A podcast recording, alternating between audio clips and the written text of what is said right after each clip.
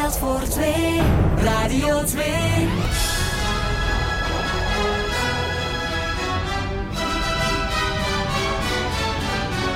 De Zoete Inval. Het legendarische spelprogramma van Radio 2. Luc Appermond.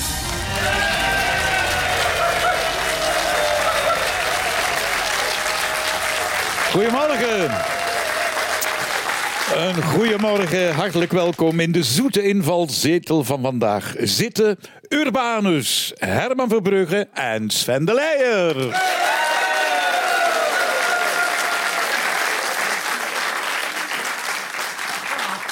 Ja, heren, het is nog maar half september en toch start volgende week zaterdag al in Duitsland het wereldberoemde Oktoberfest. Sven, Ja. jij weet daar alles over. Ik, ja, ik weet daar redelijk veel over. Vertel. Ik ben daar ooit op bezoek geweest voor het eh, programma De Laatste Show.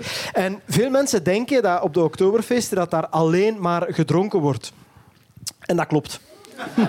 dat is ongelooflijk. Daar, daar passeren op, ik denk dat het eh, drie weken duurt, daar passeren zes miljoen mensen. Die drinken heel de dagen grote kelken bier van een liter aan Maas heten. Ik was tegen half één 's middags was ik al poepeloer zat. Maar ja, dat is ongelooflijk. Zou jij daar naartoe gaan, Urbanus? Ik ben het begin vergeten. Waar was dat? In Liedekerken. In Liedekerken. Zeg nog eens. Ik pak u mee. Zegt het jou iets, Herman? Goh, eigenlijk weinig. Ben jij een bierdrinker? Ik ben een eh, wijndrinker vooral, maar bij, de gelegen, bij gelegenheid. En zeker als het warm is, eh, is bier een hele goede drank. Hè. Maar dan moet geen halve liter zijn. En ook geen liters. Ja, maar ja, ik kon daar niks aan doen. Hè. Dat, dat is wat, je kunt daar niks anders bestellen. Ja, ik denk vooral dat daar de wc-madame heel veel geld verdient. De eerste vraag komt van Peter Goedezeunen uit Ieper. Het leven wordt alsmaar duurder, schrijft Peter. Dus iedere korting is welkom. In het Britse Kent is er een restaurant dat 20% korting geeft. Maar je moet er wel iets voor doen. Wat? Zelf koken. De en dan maar afwas. 20 procent, dat, daar zou ik het niet voor doen. De Je kan het niet koken. Nee, niet een afwas. Je, eh, bepaalde kleding aandoen, u uitdossen in een thema of zo? Of- Nee, nee, nee. Heeft er iets te maken met voordat je de restaurantbeleving hebt, of is het ter plaatse? Het is ter plaatse. Je komt binnen en dan wordt jou gevraagd om iets te doen. En als je dat doet en je houdt dat vol, dan krijg je 20% korting op de rekening. Je houdt het vol. Dus het is iets dat, dat niet evident is om vol te houden. Op één been. Nee, nee, nee, nee, nee, nee. Je mag comfortabel zitten. Je moet een beschimmelde vis opfretten. Nee, Je moet je adem inhouden tot het einde van de maaltijd. nee je moet niet fysiek. Niet- Je moet helpen. iets doen bij het binnenkomen. Een korte handeling. En voor de rest doe je gewoon wat je normaal in een restaurant Eh, doet. En het is een ziekte Een ziekte. van de ziekte? tijd. Ja, nee, Ah, iets met sociale media. Oh, je je gsm afgeven! Ja, gsm. Juist, hè? Wa- wa- Wat is dat? dan? Gsm afgeven. Goed geraden. Nee, nee, Of aangegeven. Nee, nee, samen, samen. Ja, goed. Ziekte van de tijd. Ja. Ziekte van de tijd. Er zijn plekken ook. Er zijn trouwens plekken die volledig eh, smartphone-vrij zijn ook al. Hè? Ah, ja? Ja, ja, er zijn echt restaurants waar je het volledig afgeeft. En zonder korting. Ja, zonder korting. Oh, waar dan wat mensen jammer. naartoe gaan omdat ze net die omslag even willen maken. Zo van, ah ja. ja, maar ik, ik merk het ook meer en meer. Ons zoontje gaat sinds een paar weken naar de crash en die mag ook geen gsm meepakken. En hoe oud is ze? Acht maanden. Oh, ja, ja. ja, inderdaad. Het antwoord was je smartphone achter slot en grendel steken. Je komt dat restaurant binnen en dat is een box. Het lijkt een beetje op een gevangenis met een slot. En dan wordt gevraagd om jouw eh, gsm te deponeren in die box. En hou je het de hele maaltijd vol, want je krijgt het sleuteltje mee. Ja. En eh, kun je weerstaan aan de drang om die box even open te doen en toch eens te gaan kijken wat er op die smartphone binnenkomt of Er is ook geen bezoekuur in de gevangenis van de telefoon. Nee, Zo'n nee. kwartiertje Ja. of zo. Ja. Ik ben een jaar geleden eh, in Brussel naar Bob Dylan gaan kijken. Iedereen moest daar zijn gsm afgeven. Dan werd hij in een soort kous getrokken, dat je er niet meer aan kon.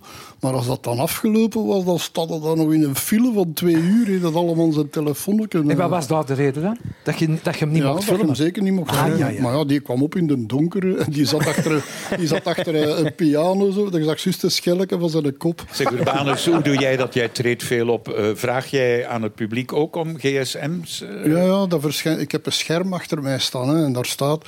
eh probeert met een show te onthouden met jullie eigen geheugen. Maar als ik zo'n gasten zie, ik zeg, ja, maar, er zit een röntgencamera in. Hè. Al wie dat mij zit te filmen, die verschijnt straks in een een blote hier op dat scherm.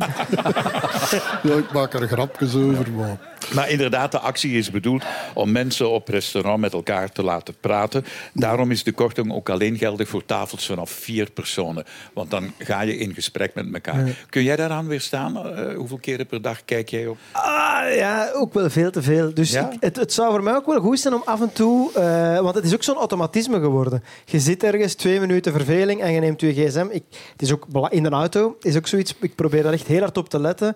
Maar veel mensen, het is een automatisme. Je hebt de hele dag alle kennis van de wereld in je hand. Hè. En Herman? Ik ga er zeker op letten als ik, in, eh, als ik met mensen samen ben. Dat vind ik eigenlijk het meest zielige.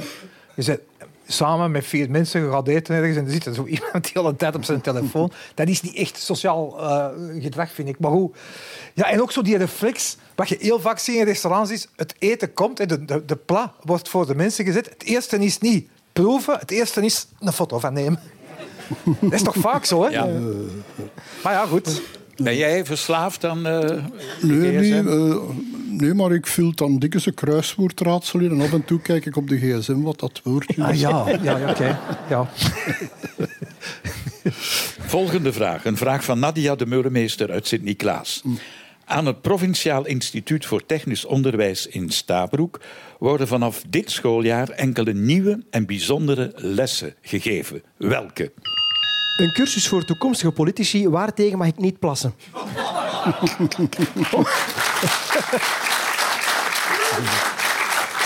Een cursus. Hoe maak ik een diploma zelf na?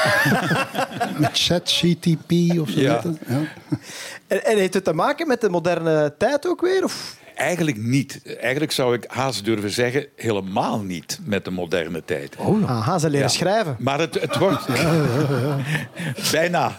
Het wordt eh, min, min of meer een knelpuntberoep, moet ik eerlijk zeggen. Ja. Een heel mooi beroep, vind ik. trouwens. Friturist? Een Nee. radioprogramma presenteren. Daar hebben ze er genoeg van. Nee, nee. Tja, Is het iets wat wij zouden kunnen? Ja, waar we goed in wel. zouden, zouden we er goed in zijn? Ja, het schijnt dat eh, Vlamingen, Belgen daar heel goed in zijn. Ja. En Wij Zelfs allemaal? eh, de beste van de wereld. Kantklossen? Eh, nee, maar misschien als we die richting uitgaan, dat we wel komen bij iets typisch van bij ons. Ja, Het is kantklossen. handvaardigheid. Het is een soort eh huisfluit Nee, handvaardigheid. nee, je eh, moet, maken. niet kunnen, nee je, je moet niks kunnen maken. Je moet behendig en bedrijvig kunnen zijn in een bepaalde tak. Voor velen was het een hobby, maar daar kun je aardig je boterham mee verdienen. En het is goed geraden door Herman van? Brugge.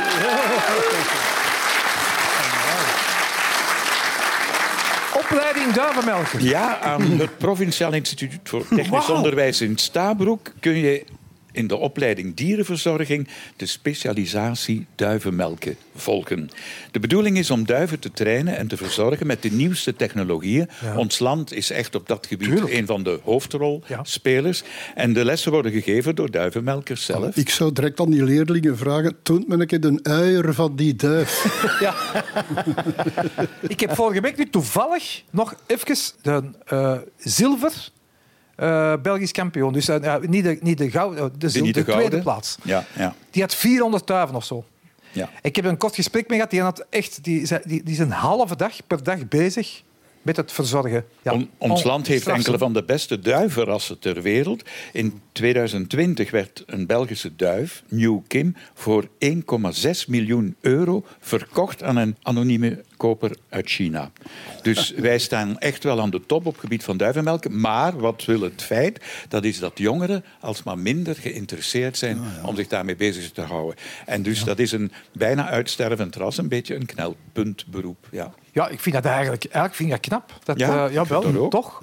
En ik heb ook geleerd dus van eh, mijn nieuwe vriend, eh, eh, zilveren medaille Belgisch kampioenschap, dat er ook die, de constateur, ken je dat? Dus je hebt zo die... Dat, Dat bakske. Dat bakske, je moest die ring, hè, werd er, eh, die, die ging dat dan in hè, en dan...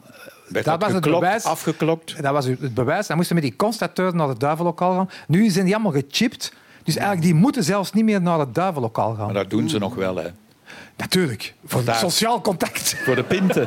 Ja, Ja. Over opleiding duivenmelkerij gesproken. Eh, welke opleiding hebben jullie gevolgd? Eh, Rattenvanger.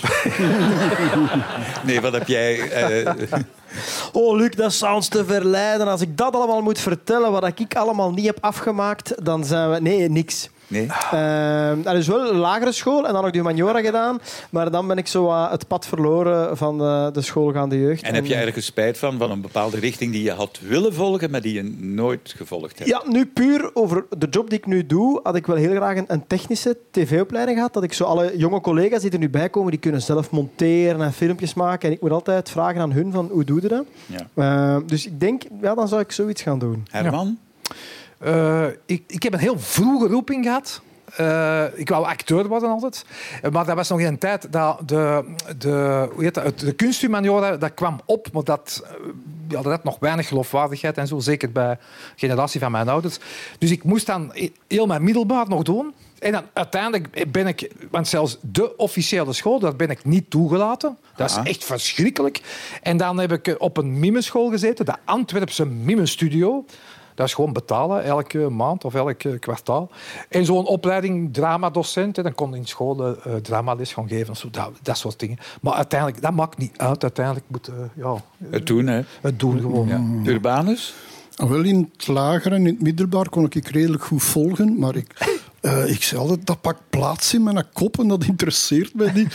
Ik wou als kind al mannetjes tekenen, mannetjes tekenen, maar mijn hoofdberoep is mannetjes uitlachen geworden. Dat is toch ook mooi, hè? Ja. Ja, ik zit zo wat met, met, met een noeste. Ik ben allergisch aan katten en mensen met een onnozel gezicht. heb jij, heb, hier ergens een kat gezien? Ja, zijn nummer is wel harder geworden. Hè? Grapje, hè. Grapje. Urbanus, dat past niet meer op zijn. Wat ging over ons, hè? Oh, oei, oh, dat ben ik niet door. Die keek toch naar de zaal? Nee, maar hij is hier ook scheel. Oh, my. Volgende vraag. Een vraag van Simone Maas uit Sluis. Net zoals in ons land zijn er in Nederland steeds minder en minder vogels. Hoe willen ze dat probleem oplossen in Delft? Ja. Meer vogelen. nee, nee. Ehm, goh. Probleem. Gaat het over wilde vogels? Alle vogelsoorten, ja. Wilde vogels in de natuur. Ja, ja, niet gekooide vogels. Hè. Ja. Oh, mooi. Heeft het te maken met, met katten die vogels aanvallen? ja, het wordt warm. Aha, dus Ah, ja. katten steriliseren. Nee, Katten verplicht binnen moeten blijven. Een huisdier is niet voor niks een huisdier en niet een buitenhuisdier. Kat binnen, deurtje toe en klaar. Muilkorven. Katten, eh, Kattenmuilkorven. Of belletjes, belletjes aandoen. De katten belletjes aandoen. ik heb hier al heel veel goede dingen gehoord. Ja, maar dank ik u. wil het, antwoord exact horen. Jij was heel goed. Dat belletje dat komt straks ter sprake. Was ik goed?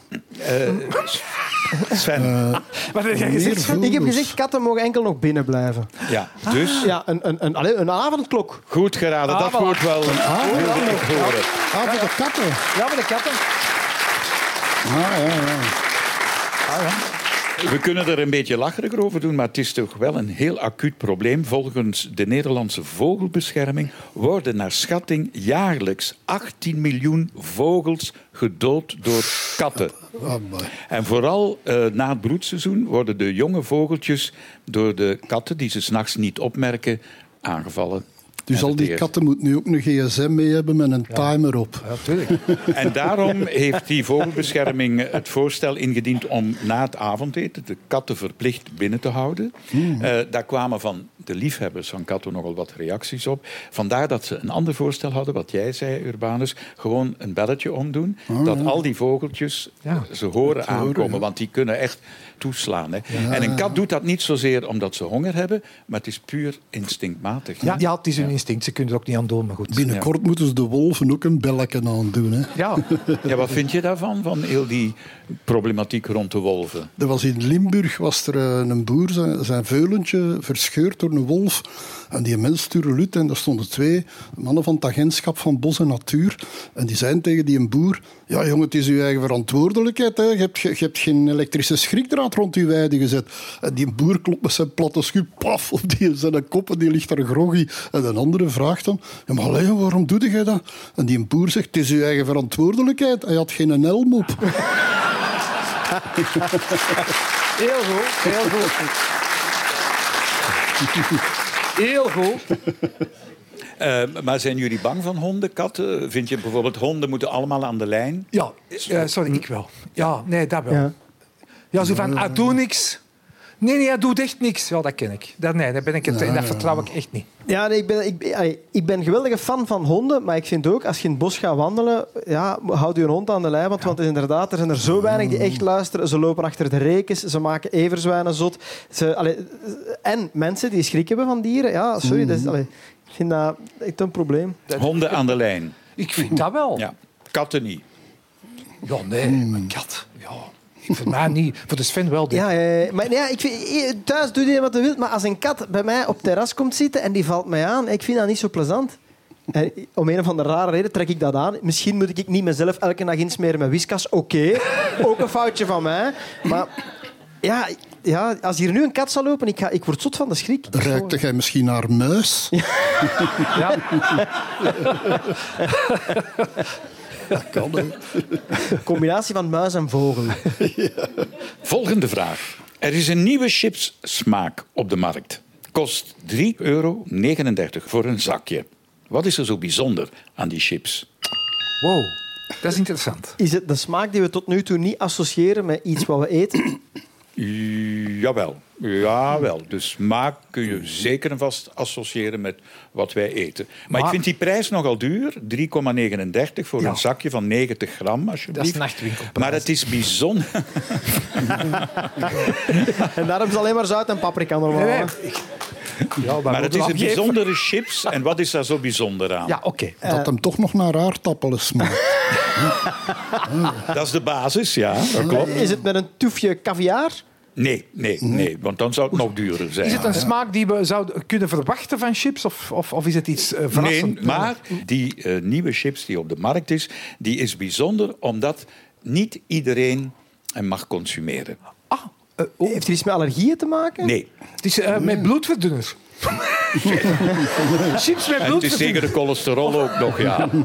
Is, is leeftijdsgebonden?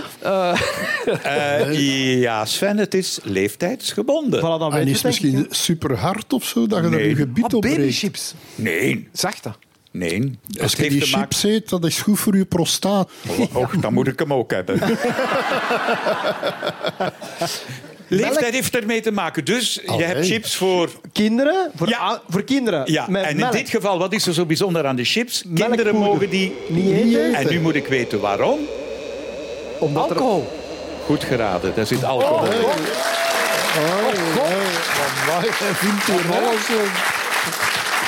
Onder de 18 jaar mag je eigenlijk die chips niet kopen. Het is chips die eh, de smaak heeft van mosselen in witte wijn.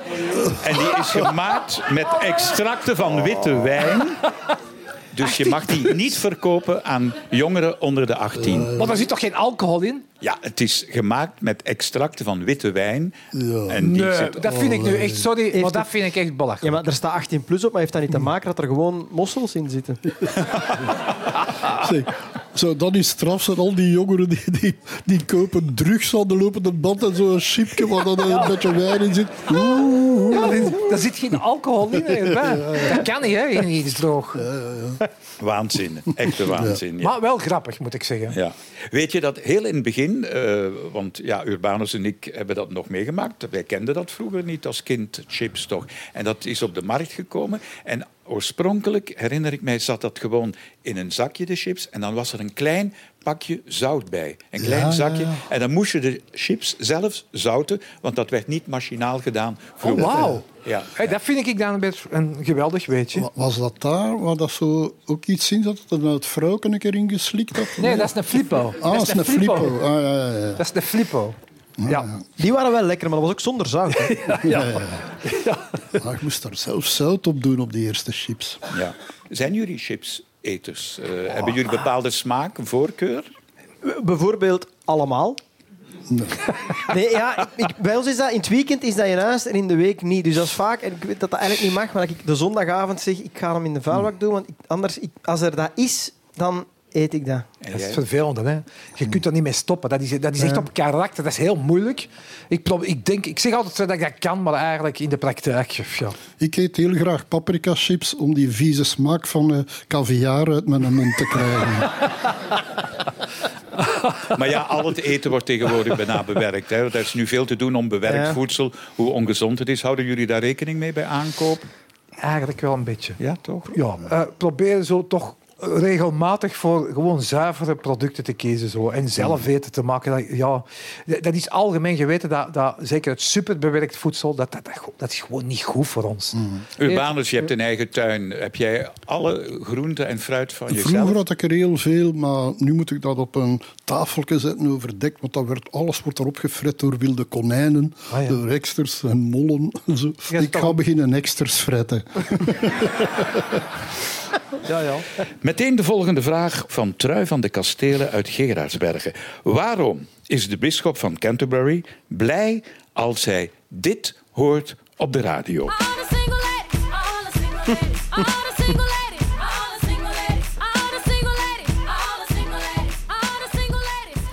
Ongetwijfeld hebben jullie Beyoncé herkend met eh, Single Ladies. En waarom is de bisschop van Canterbury blij telkens hij dit hoort op de radio?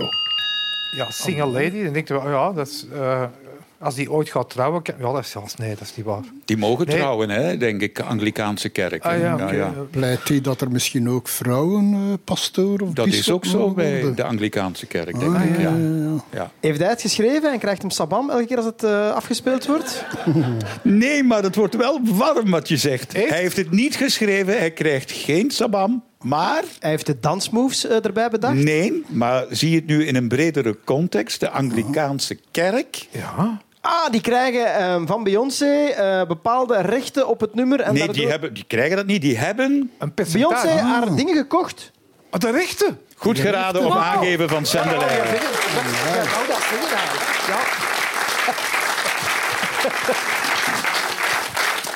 De kerk van Engeland, of de Anglikaanse kerk, die bezit een deel van de rechten van de songs van Beyoncé. En niet alleen van haar, ook van Rihanna, van Justin Timberlake en nog vele andere wereldverdetten.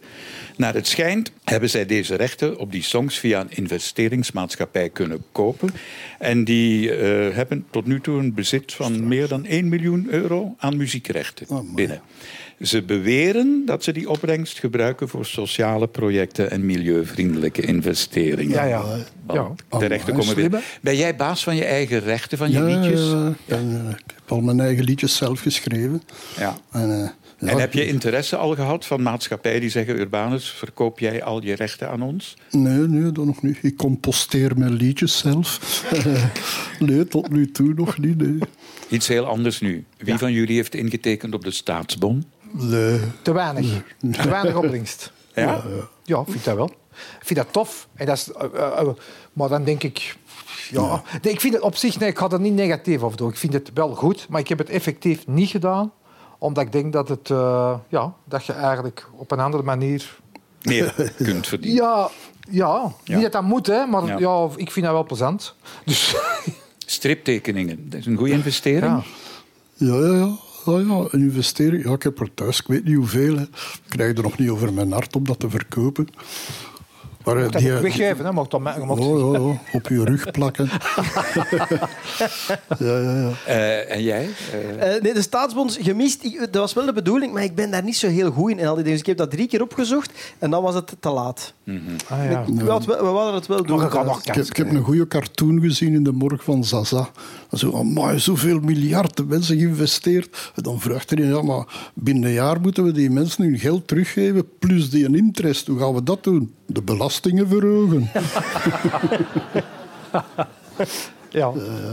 Laatste vraag. Dat is een vraag van Arthur de Schutter uit Mol.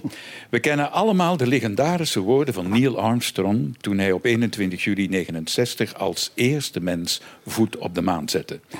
That's one small step for a man, but a giant leap for mankind. De eerste ruimtepakken die die mannen droegen, die kostten 615.000 euro het stuk en wogen meer dan 40 kilo op de aarde. Maar op de maan Oh ja, was dat minder. Maar, en dat is de vraag van Arthur, er was nog iets opmerkelijks aan die eerste ruimtepakken. Wat? Ze, ze was de eerste keer dat ik ze zag, dacht ik dat is Walter van Beirendonk. Maar is dat zo of niet? Ah, nee.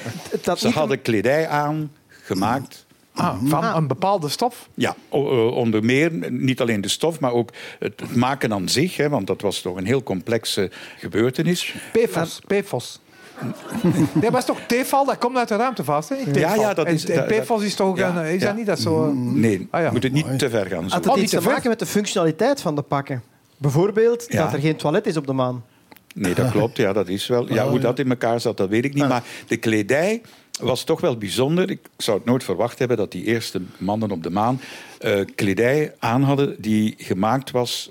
Als er vrouwen naar de ruimte gingen, waren die ambetant als ze met mannenkleren er naartoe moesten. Zat daar niet iets in dat hen stoorde? Er zit veel in in wat jij zegt. Draai de dingen nu eens om. Mannen, vrouwen, mannen. Ja, ja. Dus wat was er zo bijzonder aan die eerste ruimtevaartpakken? Die waren eigenlijk Unisex. compleet gemaakt, Voor mannen. Mannen en vrouwen. Voor vrouwen. Gemaakt door een firma gespecialiseerd in. Vrouwenkledij. En welke? Lingerie. Goed geraden op aangeven van Urbanus door Herman. Ah, mooi. Ja, Eigenlijk kwam het erop neer dat eh, de eerste ruimtevaarders onder hun ruimtevaartpak vrouwenondergoed droegen. Allee. De NASA klopte namelijk aan bij een lingeriefirma voor het maken van de ruimtepakken. Waarom? Omdat die firma's gespecialiseerd waren in nauw aansluitende kledij, waarbij ze technieken gebruikten die bijvoorbeeld ook bij BH's en andere lingerie werden toegepast. Bijvoorbeeld dat ruimtepak bestond uit 21 lagen, omdat de astronauten moesten beschermd worden tegen extreme temperaturen. In de zon zou dat 115 graden kunnen zijn en eh, eh, in de schaduw min 173. Dus die eerste ruimtepakken deed men een beroep op een firma die enkel en alleen eh, BH's maakte, eh, lingerie voor dames. Nauw aansluitend, heel functioneel, alles wat je erbij kunt bedenken. en comfortabel. Hè? Oh, Voilà. Is dat ook de reden dat we altijd foto's zien van de voorkant, omdat die van achter zo'n string aan hun poep hebben? Of wat? Draai me eens om. Ja. Eh, hoe lang gaat dat nog duren, Janneke Maan? Binnenkort is dat Janineke Maan. en wil, dat niet iedereen, dan wil iedereen de achterkant van de maan zien. Hè.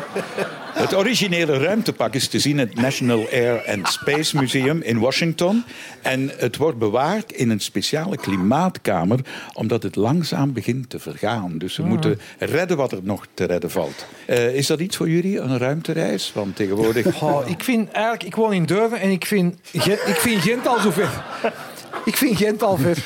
Dus ik vind, ik vind het gewoon, wat, maar letterlijk en figuurlijk, ik, ik vind het echt wat te ver zo. Ik denk, van, ik vind dat tof, dat intrigeert, maar ik, ja, ik kan er mij beter niet mee bezighouden, want ik word er wel onnozel van.